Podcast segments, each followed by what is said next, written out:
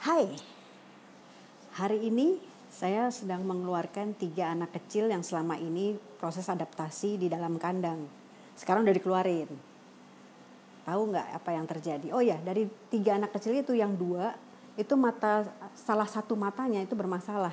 Jadi e, begitu keluar harus dibersihin lagi setiap hari begitu, dibersihin dan masih mengecil gitu loh matanya karena uh, agak nggak lihat lihat agak nggak lihat lah gitu.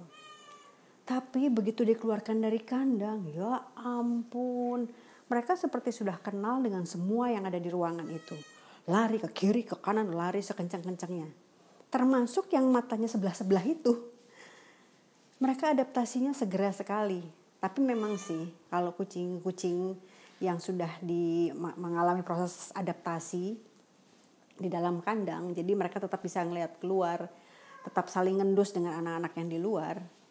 E, biasanya tingkat penerimaan yang ada di luar itu lebih besar. Dan si anak-anak kecil ini pun ya semangat dan proses adaptasinya bagus sekali.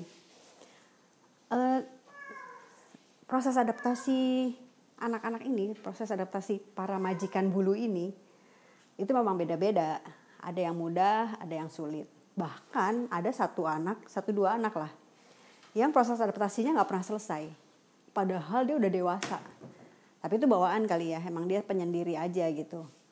Tapi ya pencuriga sih tepatnya.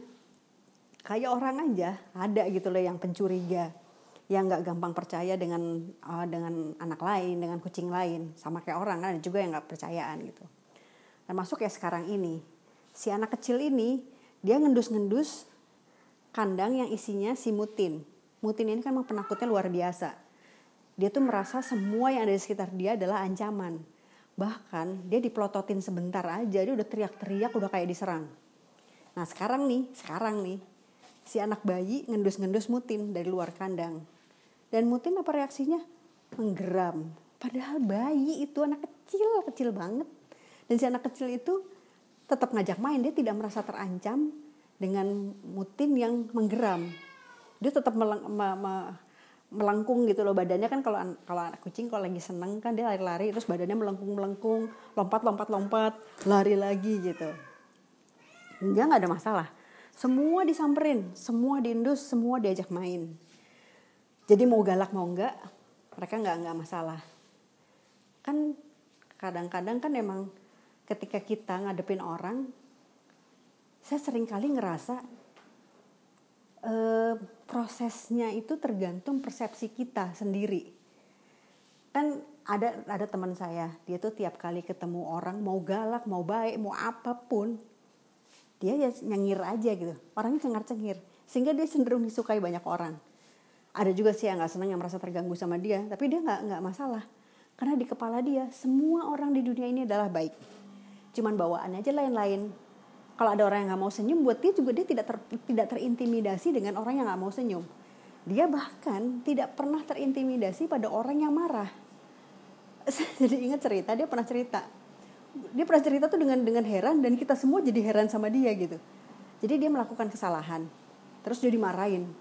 Dan e, dia mencontoh dia menyebutkan kosakata apa saja yang disampaikan oleh bosnya ketika marahin dia dan kita semua gila dia tuh ngamuk banget ya gitu. Iya sih kali ya.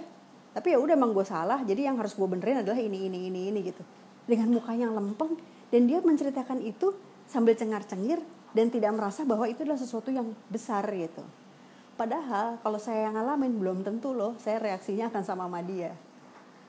Uh, sehingga tergantung memang tergantung respons kita kayak si bayi-bayi inilah anak-anak kecil-kecilnya lari-lari. Dia nggak terintimidasi dengan reaksi kucing besar lain.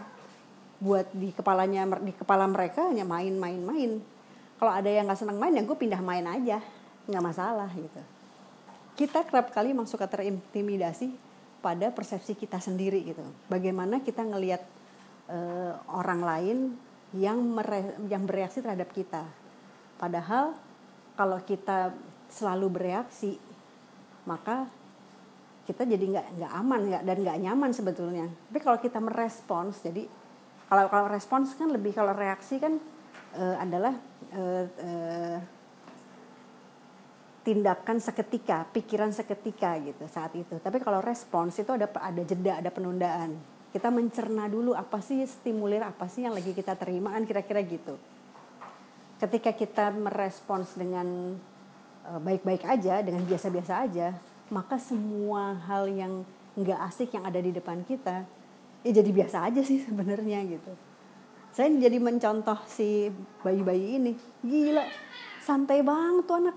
Tiga-tiganya loh santai. Bahkan mereka tidak ter tidak terintimidasi dengan uh, matanya yang agak nggak ngelihat sebelah itu. Cuek pokoknya aku mau main. Ih, seru banget ya kehidupan akan baik-baik aja loh kalau kita merespons apa pun dengan baik-baik aja gitu dengan biasa-biasa aja dengan seneng-seneng aja Mbak ya ada hal besar di balik hal kecil atau hal kecil yang dibesar-besarkan. Sampai jumpa, selamat hari ini. Dah.